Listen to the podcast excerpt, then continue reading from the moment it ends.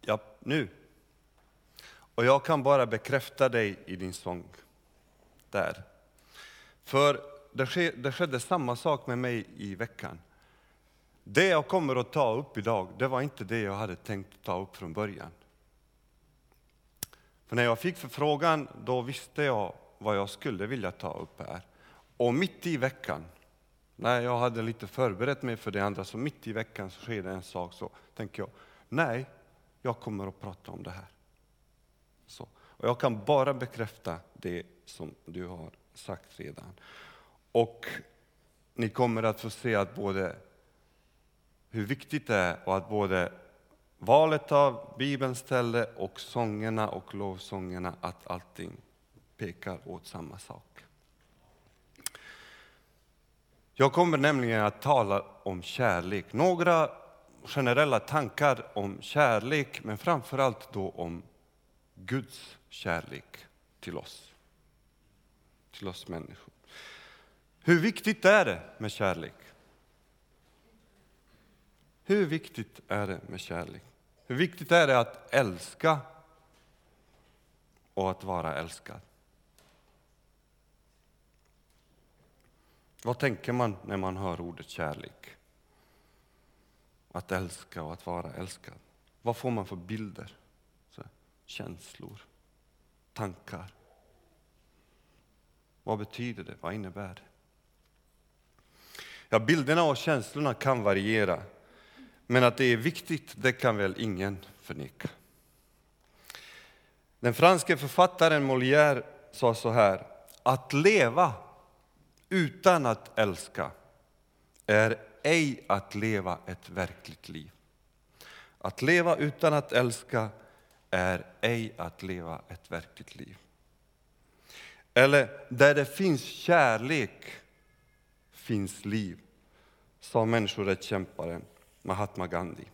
Och en annan av vår, tids, av vår århundradets ateistiska filosofer säger så här om kärleken. Han är ateist. Så säger inte när jag andas, utan när jag älskar lever jag. Bertrand Russell sa det. Så hur viktigt är det med kärlek? Att leva, det är att älska och att leva i kärlek och att vara älskad. Ja, utifrån deras beskrivning kan man ganska enkelt förstå och hävda att kärleken i sig inte bara är det viktigaste, det finaste, det högsta och det största som finns i världen, utan dess konkreta existens är också tätt förknippad med sanna meningen i livet. Så människans autentiska natur finns i kärleken. Och som kristna så vet vi detta redan från början, från de här första bibelverserna. Nämligen att vi är, skap att vi är skapade till Guds avbilder. Gud som är kärlek skapar oss till sin kärleksfulla avbild. Vi är skapade att bli älskade, vi är skapade att älska och vår sanna natur finns, eller finner vi när vi älskar, säger John Stott till exempel, som var en av vår tids största kristna ledargestalter. Så det är det som är det stora och viktigaste uppdraget för oss som Guds avbilder. Att älska Gud, att älska skapelse, att älska vårt liv och att älska varandra. Det är den viktigaste innebörden, ingrediensen för att kunna leva ett verkligt liv i världen. Och inte bara i världen, eller hur? Utan i evighet kan man, skulle kunna hävda som kristen. För säger inte Paulus i brevet 13 att allting annat, till exempel alla profetior och alla tungomål, det kommer att tystna. Men att kärleken i sig kommer aldrig att upphöra. I så fall så måste Gud upphöra existera, för han är ju kärlek. Så all you need is love, som Beatles sjöng, eller hur? All you need is love. För varför det? Jo, för det sätter oss i rätt relation till Gud och till andra människor. Och den fyller oss med vackraste känslor, den motiverar oss till livet, det inspirerar oss till uppoffringar och leder oss på rätt moralisk väg. Men också korrigerar oss varje gång vi missbrukar den eller det som, det, precis så som det står skrivet. Kärleken vållar inte din nästa något ont. Och nu kan man så här ställa indirekt en fråga. Om kärleken är det högsta, om det skulle finnas en individ bland oss som sätter kärleken alltid först och främst, så växte naturligtvis en fråga, en tanke om det kan vara så att den som alltid älskar behöver ingen moralisk vägledning, utan står över alla moraliska lagar och regler. Om det kan vara så att den som älskar kan till exempel till och med åsidosätta Guds ord eller leva i motsats till den, till budet, genom att åberopa helt enkelt kärleken. Det vill säga genom att älska. Varför frågar jag det här? Jo, för att den som älskar lever det riktiga livet, eller hur? Och den som älskar handlar alltid rätt. För kärleken uppfyller alla lagens bud. Det är vad också Bibeln säger. Så man kan ju ställa en sån här fråga. Och det här är ju en, alltså att, att svara ja på den här frågan, det är en vanligare föreställning idag än man tror. Inte minst då kärleken till exempel tenderar att förknippas bara med sexualitet eller sexuella relationer. Både utanför och inom det kristna sammanhang. Det vill säga, många tror att man kan göra så. Bara genom att åberopa att man älskar och att man är kärlek. Jonas Gardell till exempel säger så här. Om kärleken förkunnas än, i vilken form den än uppträder, är det dödssynd att avstå från den. Det är det enda verkliga dödssynden, säger han. Så följaktligen berättigar han, eh, berättigar han sitt eget sätt att leva, ett livsval som enligt många av oss strider mot Guds bud. Genom att hänvisa helt enkelt till kärlekens överlägsna auktoritet över allting annat. För den som älskar är i kärleken fri att göra och leva vad den vill. Det är alltid rätt enligt honom, enligt hans tolkning. Men vare sig man håller med honom eller inte så framgår det återigen tydligt att kärleken står högt och är fast förknippad med det verkliga livet. Alltså vare sig man läser Bibeln, talar med gemene man, frågar ateister, författare, musiker, troende individer med varierande föreställningar av vad kärlek är, så får man samma svar. Det är det viktigaste och också avgörande rättesnöre vad det gäller livet. Så all we need is love. Men då kommer frågan, vad är då kärlek? Vad är kärlek? Det som är det finaste, mest efterlängtade och samtidigt det mest smärtsamma, mest skrämmande som finns för oss människor. Vad är det som är så högt skattat, som så många böcker och dikter, dikter har skrivits om, så många sånger sjungs dagligen om, så många filmer görs och det som alla människor längtar efter och förväntas leva ut som Guds avbilder. Finns det någonting som vi som kristna kan säga om kärleken? Har vi några ramar? Har vi någon spegelbild eller riktlinjer så att vi inte behöver kalla päron för äpplen eller tolka varje känslodripande impuls eller varje sexuell handling eller gråtmildhet eller någonting annat som ett givet tecken på äkta kärlek? Vad innebär det att vara älskad? Vad innebär det att älska?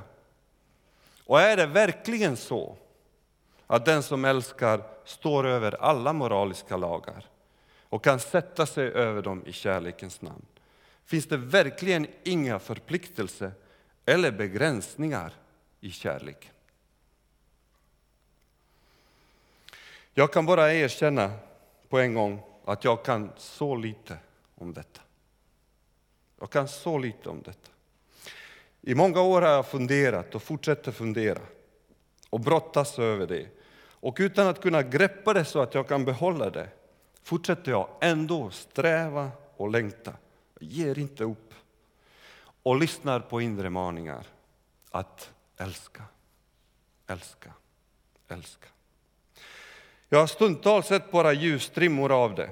Om det är någonting i mina böner som har regelbundet återkommit så är det just behovet av detta. Mer kärlek.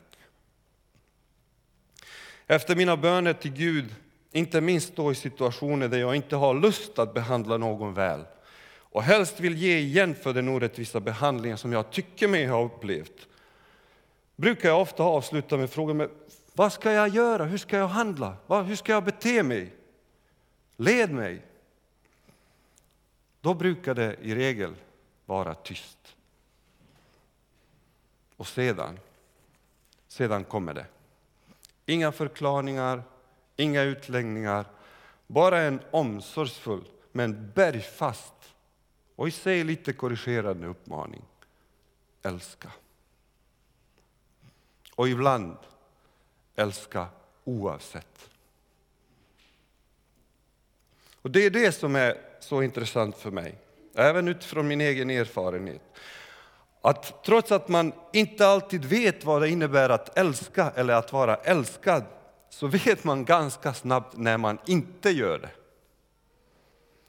När man saknar äkta kärlek. Ungefär som när man går i skogen och letar efter den riktiga vägen och inte alltid kan genast lista ut om man befinner sig på rätt väg eller inte, så vet man dock relativt snabbt om man verkligen har gått vilse. Man förstår snabbt om man verkligen har missat vägen, inte minst genom att de kända vägmärkena, tecken, saknas. Likadant på något sätt, om man vet någonting alls om sig själv, är det insikten, just i de stunder då man brister i kärlek. Brister i det som är tänkt att jag skulle bli och vara, brister i det äkta livet och upptäcker att det inom mig faktiskt, inom mig själv finns så mycket som jag till och med kan tycka om och älska, som ändå inte är riktig kärlek och som inte kan rymmas inom den tänkta spegelbilden.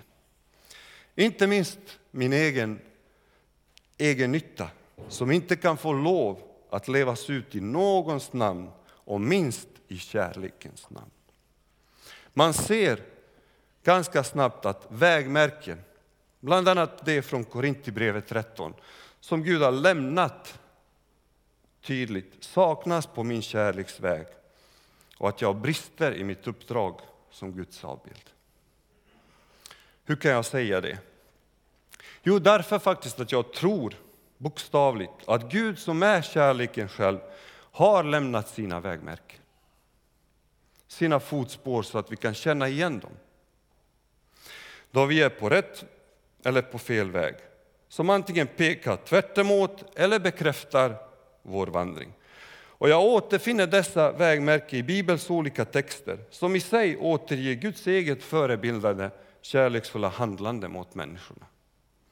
Gud har faktiskt gett oss en rak pinne i form av sina bud, som vi varje gång vår krokiga uppfattning av kärlek försöker leda oss bort, kan läggas bredvid så att vi tydligt kan se vad verkligen Guds kärlek innebär. För trots allt säger vi väl att Gud själv är kärlek och att Gud själv har visat oss vad kärleken är. Och vad kan det vara mer aktuellt att prata om än Guds kärlek just nu? Nu när vi står inför den kommande påsken. För nu växer även frågorna om, om Jesus och hans lidande och död som ett tecken på kärlek. Passionshistorien kommer att återberättas i många hem i Sverige och runt omkring i hela världen. Och människor kommer att samlas vid sina bord att fira påskhögtiden som vanligt. Men är det inte intressant att fundera om Jesus, över Jesus lydnad och lidande och hur den grymma behandlingen av en människa på korset och hans död har någonting alls med kärleken att göra. Hur kan detta vara ett uttryck för Guds kärlek? Hur kan Guds yttersta beviset på kärlek vara kopplad till det? Och jag vet inte om jag kan besvara alla frågor om kring det här med kring kärlek och därför vill jag hänvisa till andra som har funderat över det och tipsa om böcker. Till exempel några har säkert läst med Kärlekens fem språk och, som både för vuxna och barn av Gary Chapman. Så det handlar om hur man upplever kärlek och hur man kan tolka kärlek, tillämpa det. Samt tipsa om en, man kan undersöka lite grann om, om olika grekiska ord, vad olika kärlek kan betyda. Men ändå idag, inför den stundande påsken, vill jag lyfta i alla fall några saker som vi kristna vet. Några saker som vi vet om Guds kärlek framför allt. Så för det första, vi vet att Gud är fullkomlig kärlek. Eller? Gud är fullkomlig kärlek. Gud är kärlek och den som förblir i kärleken förblir i Gud och Gud i honom. Första Johannes 4.16. Och det innebär att Gud inte bara älskar utan att kärleken måste vara Guds fundamentala egenskap. Utan kärlek finns ingen Gud och utan Gud finns ingen kärlek heller. Och för många av er kan detta te sig helt onödigt att säga, men för mig är det ett krav att jag alls ska kunna tro på en Gud. En Gud som är värd att dyrkas och tillbes. Det vill säga att han måste vara fullkomlig kärlek. Annars är det ingen Gud. Och varje försök att köpslå med detta, för mig är det oacceptabelt. Då ett väsen som inte är fullkomlig kärlek och fullkomlig god är inte heller värd att dyrkas. Enkelt sagt kan den ofullkomliga kärleken aldrig vara en Gud. Det vill säga en riktig Gud kan inte vara en Gud som bara älskar, som älskar bara ibland. Eller en Gud som älskar bara vissa. Utan det måste vara en Gud som alltid älskar under alla omständigheter och vid alla situationer, även då vi står som fiender till honom. Det är ett krav.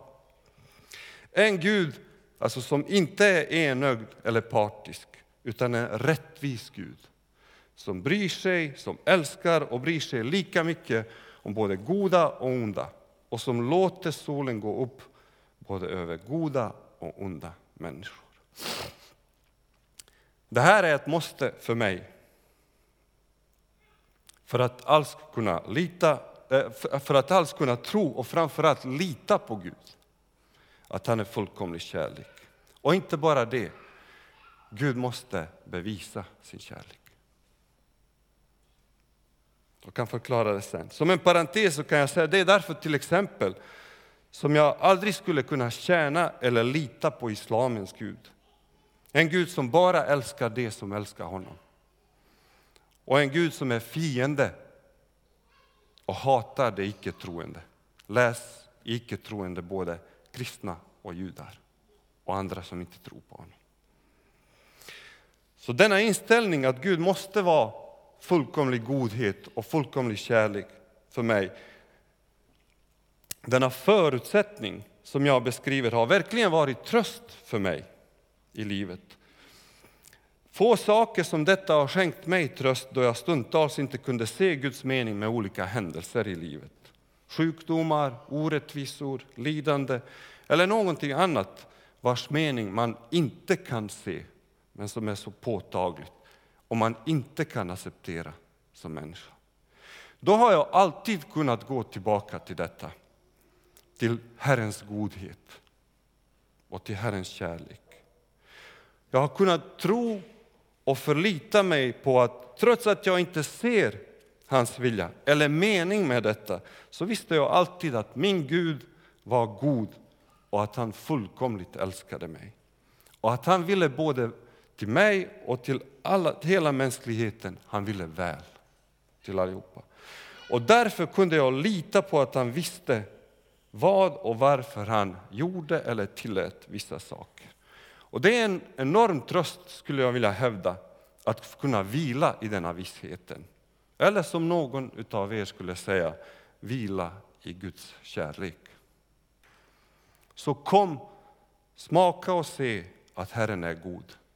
Salig är den som flyr till honom, säger psalmisten. För det andra så vet vi att vi älskar Gud och att vi bör älska Gud. När Jesus vid ett tillfälle fick frågan om vilket bud bland alla som var viktigast så svarade han på följande sätt. Viktigast är detta. Hör Israel, Herren vår Gud är den enda Herren och du ska älska Herren din Gud av hela ditt hjärta, av hela din själ, av hela ditt förstånd av hela din kraft. Och sen kommer följden också, och din nästa så som dig själv. Och utifrån det som jag hittills har nämnt, om att Gud är kärlek och att det sanna livet och att vår autentiska natur som människor återfås genom att älska Gud, det vill säga älska sanningen och älska livet, så är det ganska enkelt att förstå varför Jesus säger att det viktigaste vi kan göra i livet, det är att sätta Gud först i våra liv och att älska Gud med allt vad vi är och vad vi har. Och I samband med sitt svar faktiskt så, så får Jesus också eh, bekräftelse för den tillfrågade. Han säger, du svarade rätt, för det är verkligen så. Han är den enda, honom ska man älska och ära med alla sina ägodelar och hela sitt liv. Så kärleken till Gud är nämligen lik hjärtat det mest centrala i våra liv och en källa till allting annat. Alla våra tankar och handlingar utgår ifrån det. Och lever vi inte i denna kärlek eller i denna sanningen så har vi också svårt med respekt för andra människor och framförallt svårt att älska dem. Det vill säga att se dem så som Gud ser dem. För att citera Dostojevskij, att älska någon det är att se den personen som Gud hade tänkt den att vara. Många människor däremot tolkar detta fel. Framförallt den andra delen av, av bibelversen, som jag ska snart läsa. Och tror att det, för att kunna älska någon annan, eller kunna älska andra människor på ett äkta sätt, det måste först komma i rätt relation till sig själv. Alltså älska sig själv. För om man inte älskar sig själv så tänker man man kan inte älska andra människor. Och många tror faktiskt att Jesus säger detta i de här bibelverserna. Och det är en ganska fin och intressant föreställning, men är ändå felaktig tolkning. För Jesus säger inte det. Jesus säger att man ska älska först Gud. Man ska älska Gud först och sin nästa. Och att det är genom att älska Gud först som man kommer till rätt relation, både till sig själv och till andra människor. Alltså inte genom att älska sig själv först. För det är faktiskt synd. Eller hur? Och inte genom att börja med sig själv, utan genom att börja med kärleken till Gud. Och om denna sanning förvrängs och man sätter sig själv som måttet så blir det sällan rätt. För att återigen gå till Dostojevskij och ett samtal i boken Bröderna Karamazov när en person frågar om ett råd till en abbot så får han ett svar så här. Det viktigaste det är att inte ljuga inför sig själv. För den som ljuger inför sig själv och lyssnar till sin egen lögn kommer fram till att han inte kan urskilja någon sanning hos sig själv eller runt omkring sig och förlorar aktningen både för sig själv och för andra. Och den som inte hyser aktning för någon kan inte längre älska någon. Och för att sysselsätta och förströ sig när man inte har kärlek ger, ger man sig åt, hän åt lustar och grova utsvävningar och förfäas och förråas i sina laster. Och allt detta på grund av att man ständigt ljuger både för andra och för sig själv. Så därför vet vi att vi bör älska Gud som är kärleken och som är vägen, som är sanningen och som är livet och älska Gud först. Men som jag nämnde tidigare så vill jag själv tro på en Gud som inte bara säger att han är kärlek och att han älskar. Utan en Gud som också har visat det och ger, ger sin kärlek som en pant när relationen mellan oss brister. En som inte förkastar mig på en gång när jag gör fel. Jag kanske är ett orimligt krävande, men jag tänker mig att bara ord utan täckning, även om det kommer från det vi uppfattar som en Gud, också blir bara smicker och tomma löften som ingen av oss vill tro, lita och minst allt sätta sitt liv på. Kärleken måste ha en täckning, en verklighetsanknytning och får inte vara som en check som man utfärdar utan signering. Ska man hämta ut någonting av det, av kärleken, så måste det ha funnits en investering i det förut. Någonting att hämta ut. Och detta säger jag även om jag vet att det är så att en sådan väsen som Gud, som är fullkomlig kärlek, både skulle kunna ha ovillkorliga skäl och krav på att bli älskad och dyrkad och tillbedd bara därför att han är den han är. Alltså kärleken, det högsta goda och det bästa och det viktigaste. Men jag tänker mig ändå att den som säger, i det här fallet Gud, att den är kärleken och att den älskar, den gör också enorma anspråk och därmed också är förpliktigad på att visa och uttrycka det i en relation. Ge tecken, ge bevis på det. Eller har jag fel? Tänker jag fel? Är det inte så att kärleken förpliktigar? Är det inte så att dess karaktär innebär skyldighet och omfattar spelregler gentemot den man säger sig älska? Och därmed också begränsningar och inskränkningar till ens egen frihet. Men frihet som jag dock avstår frivilligt ifrån därför att jag väljer att älska. Låt oss säga ett äktenskap. Det finns begränsningar i den. Man kan inte göra vad man vill, man kan inte uppträda hur man vill. Man kan inte bryta det hur man vill genom att säga att man älskar. Ni anar vart jag är på väg. För vi vet att vårt Gud inte satt med händerna i kors och älskade bara det som älskade honom och krävde kärlek och lydnad och tillbedjan utan att själv ge intryck av att veta vad han krävde eller frågade efter. Herren älskade oss innan vi kunde älska honom och därmed visade vad kärleken egentligen är. Vi vet att vi älskar därför att han har älskat oss först, står det skrivet. Vi vet också att vår Gud skattar så högt vår frihet och ändå tvingar sig aldrig, tvingar aldrig sin kärlek på någon. Hur mycket han än älskar oss, utan han väljer istället att bevisa kärleken och därefter ge en inbjudan till sin egen kärleksfulla gemenskap. Inte därför att vi är så själva fulla av kärlek, så goda och så förträffliga och så förtjänade att älskas, utan därför att Gud väljer själv först att dela sin kärlek genom världshistorien, teckna ner den i Bibeln och signera det på korset innan han slutligen ger den ut till alla för att läsas och tas emot. Detta är kärlek. Inte att vi har älskat Gud, utan att han har älskat oss först och sänt sin son som ett försoningsoffer för våra synder. Så hur många gånger vi än har hört om det så kan det aldrig vara för mycket att påminna sig om att evangeliet verkligen är det glada budskapet. Den största kärlekshistorien som någonsin ägt rum och berättats. Det glada budskapet som handlar om en Gud som är fullkomlig kärlek och som fullkomligt älskar sin skapelse. Det handlar om en Gud som väljer att älska människor, bli en av oss genom, genom sin, och, och genom sin lydnad och sitt lidande begränsar faktiskt sin frihet. Det handlar om människor som är skapade till Guds avbild, skapade att älskas och att älska.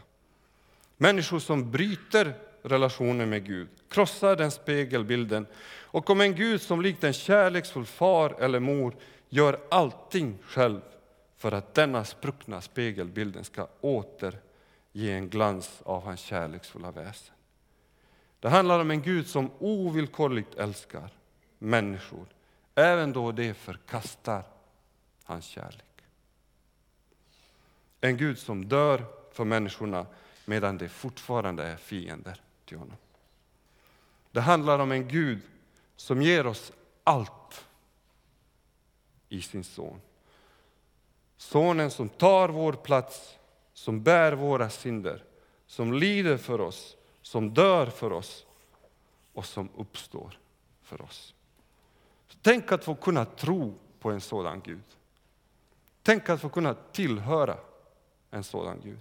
Och tänk att få kunna lita på en sådan Gud. För han förtjänar att lita på. För knappast någon vill dö för en rättfärdig, säger Paulus. Kanske går någon i döden för en som är god. Men Gud bevisar, Gud bevisar sin kärlek till oss genom att Kristus dog för oss medan vi ännu var syndare. Och ibland när vi ser någon film eller läser om någons ädla gärningar, då någon ger sitt liv för andra personer som den älskar, eller personer som vi tycker förtjänar att fortsätta leva och, leva och är på något sätt förtjänta att man ska dö för dem, då blir vi lite berörda. Och vi prisar denna individens mod och kärleksfulla handlingar. Men vad Gud gör, det är att han går i döden för det som är hans fiender. Och därmed tar bort allt tvivel på sin kärlek. Så här ligger det yttersta anledningen till passionshistorien. Och Jesus nödvändiga död och uppståndelse, nämligen den fullkomliga kärleken. Många gånger har jag frågat mig själv så här, kanske några av er också kan ha frågat sig, nämligen varför var Jesus tvungen att lida, korsfästas som en brottsling? Varför var Jesus tvungen att dö som en av både Gud och människor förkastad individ? Fanns det ingen annan väg för Gud att frälsa den fallna mänskligheten? Varför var han tvungen att gå den yttersta vägen? Varför kunde Gud inte göra det lite bekvämare för sig själv? Han är ju ändå trots allt allsmäktig och kunde bara trolla bort synden, döden, ondskan och så vidare. Känner ni igen funderingarna? Varför det allvaret? Och varför gå den yttersta vägen? Varför det yttersta lidande? Och de yttersta konsekvenserna av straffen, att gå i döden? Svaret är nej. Det fanns ingen annan väg. Det fanns ingen annan väg, inte för en Gud som är det yttersta fullkomliga kärlek och som på allvar ser på en synd. En Gud som är fullkomlig kärlek har ingen annan utväg. En Gud som inte älskar fullkomligt och som inte tar det onda på allvar skulle kunna hitta andra vägar. Men inte Herren som är kärleken själv och som ytterst älskar sin skapelse. För det yttersta beviset faktiskt på kärleken är också det yttersta akten att ge sitt liv för någon. Och så länge någonting inte har beseglats med döden så finns det alltid en möjlighet att återta och förändra det, tvivla på det, ogiltigförklara det. Vare sig om det är en sak eller en händelse eller ett testamente. Tvivlet kan äta upp alla kärlekslöften, men bara fram till graven. Därefter har tvivel ingen berättigande. Beviset är orubbligt. En Gud som ytterst älskar har därför ingen annan utväg än att gå, än att ta det yttersta beviset och visa att han verkligen älskar genom att göra det. Han måste ge allt. Han får inte hålla tillbaka någonting annat. Han kan bara gå den yttersta vägen, helhjärtat, hela vägen, utan att undanhålla någonting alls. Inga korsade fingrar bakom ryggen då han hävdar att han älskar. Och när, utan när han ger sin son som går i döden för oss människor ger han bokstavligt oss allt han har. Han ger allt. Denna dagen på korset gav Gud allt han hade. Ingenting sparades kvar i himmelens kistor eller gyllene salar. Ingenting gömdes eller undanhålldes, utan i Jesus Kristus tömdes himlen på allt. På allt det goda och gavs åt oss människor. Precis så som Paulus skrev. Välsignad är vår Herre Jesu Kristi Gud och Far som i Kristus har välsignat oss med all andlig välsignelse i himlen. På han som inte skonade sin egen son utan utlämnade honom för oss alla, hur skulle han kunna annat än också skänka oss allt med honom? Så korset är därför det yttersta beviset på Guds kärlek. Från en Gud som lever sig in i en annan situation, går i de andras skor, lever deras liv, gråter deras tårar, jublar över deras jubelämne, bär deras bördor, lider med dem som lider och ger sitt liv för oss alla. Det är det yttersta kärleken, kärleksbeviset. För tänk om, om Gud i Kristus hade till exempel gått bara en bit av vägen. Blivit människa, skrattat, gråtit, ätit, druckit, byggt vänskap och sagt att han älskade. Men när stunden kommit för att bli fängslad, korsfästas eller dö, dragit sig undan.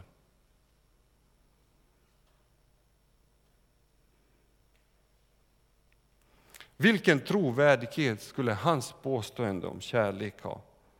Vilken trovärdighet skulle en Gud som inte vet vad orättvisor är och inte vet vad döden innebär, döden som är det mest skrämmande, det mest slutgiltiga, det som vi alla måste gå igenom.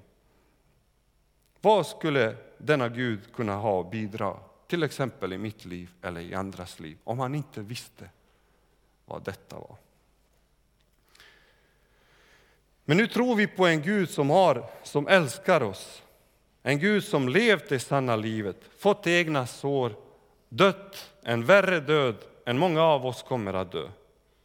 Ingen annan Gud har sår. Det finns ingen annan frälsare som vet hur det är att vara, för, hur det är att vara fördriven och hungrig. Likt alla andra flyktingar och socialt utsatta och hungriga i världen. Bara Jesus från Nasaret. Det finns ingen annan frälsare som har blivit orättvist anklagad, ledd i böjor och förstår alla människor i världen som blir orättvist anklagade, ledda i böjor, som halshuggs, bränns levande eller förgiftas. Bara Jesus från Nasaret.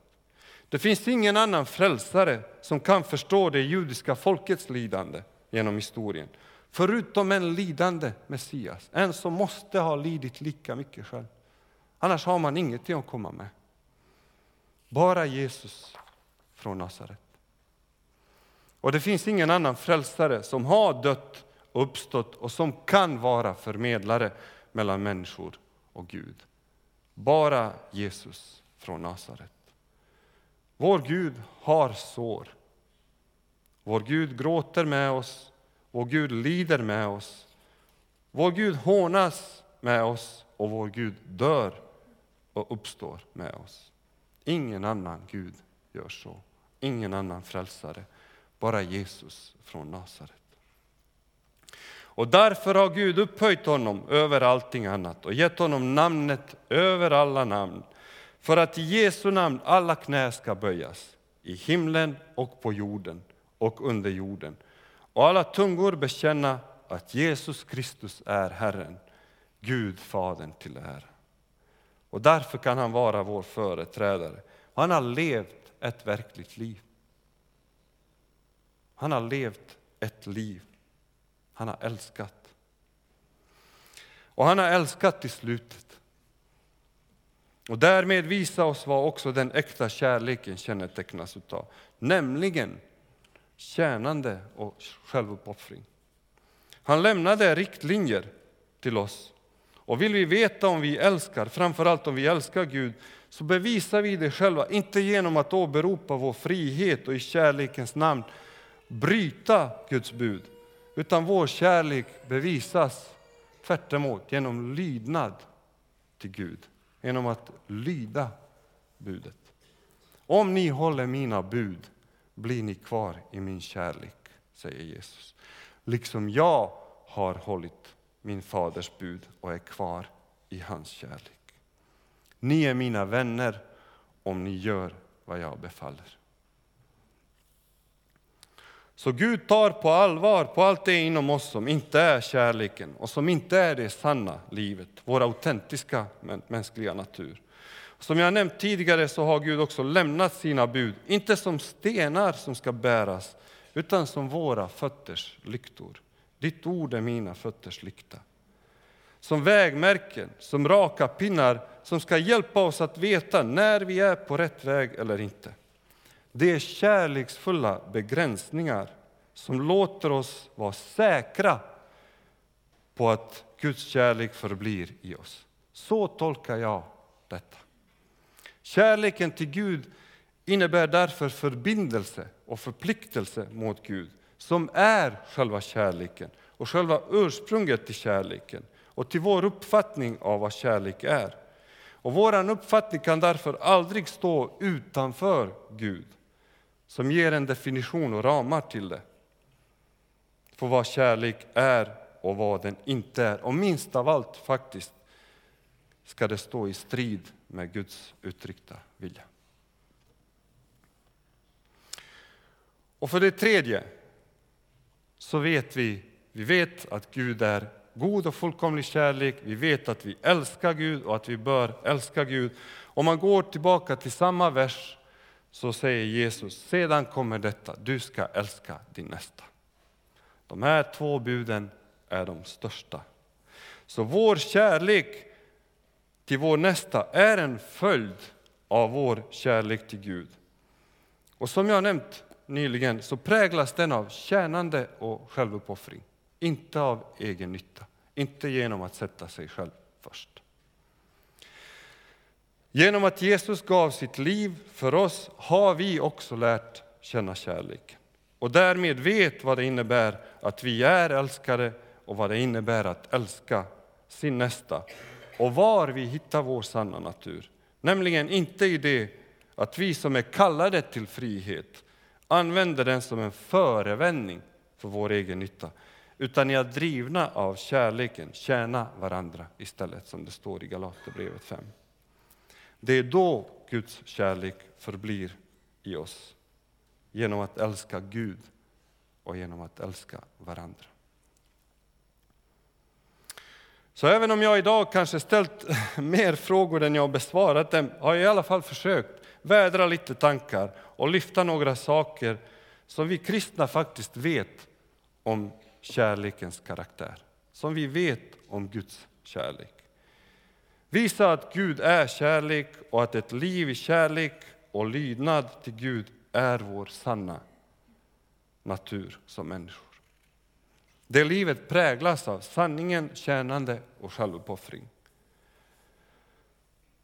för andra. Och när vi lever ett sådant liv kan vi också säga att det inte är då vi andas utan då vi älskar som vi lever. Vi vet också att vi inte kan använda vår frihet som en förevändning till egen nytta utan har fått en tydlig förebild genom Jesus Kristus, vår ende frälsare. Vad det innebär att älska och varför var Jesus tvungen att dö på korset. Det var det yttersta beviset på att Gud själv älskar till fullo. Han höll inget tillbaka för din och min skull och gick hela vägen för att ingen och ingen ska kunna skilja oss från hans kärlek. Vilken Gud! Vilken Gud! Vilken Gud! Vilken frälsare och vilket orubbligt bevis på kärlek.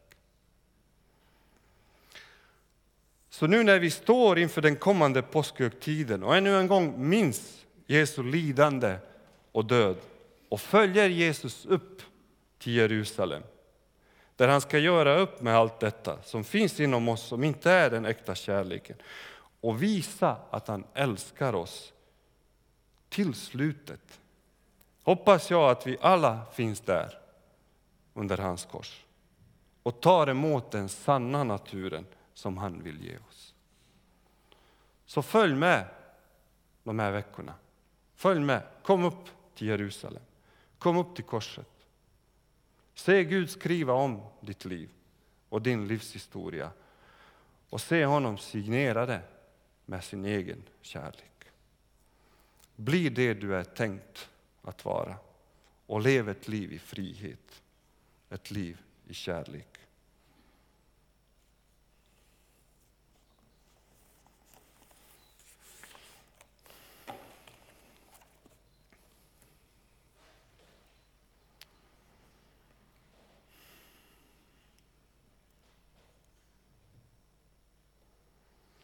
Vilken Gud. Herre, ofta har jag funderat, vem är du? Vad är du?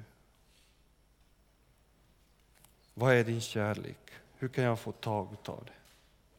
Hur kan jag få tag på det? Hur kan jag få ta del av det?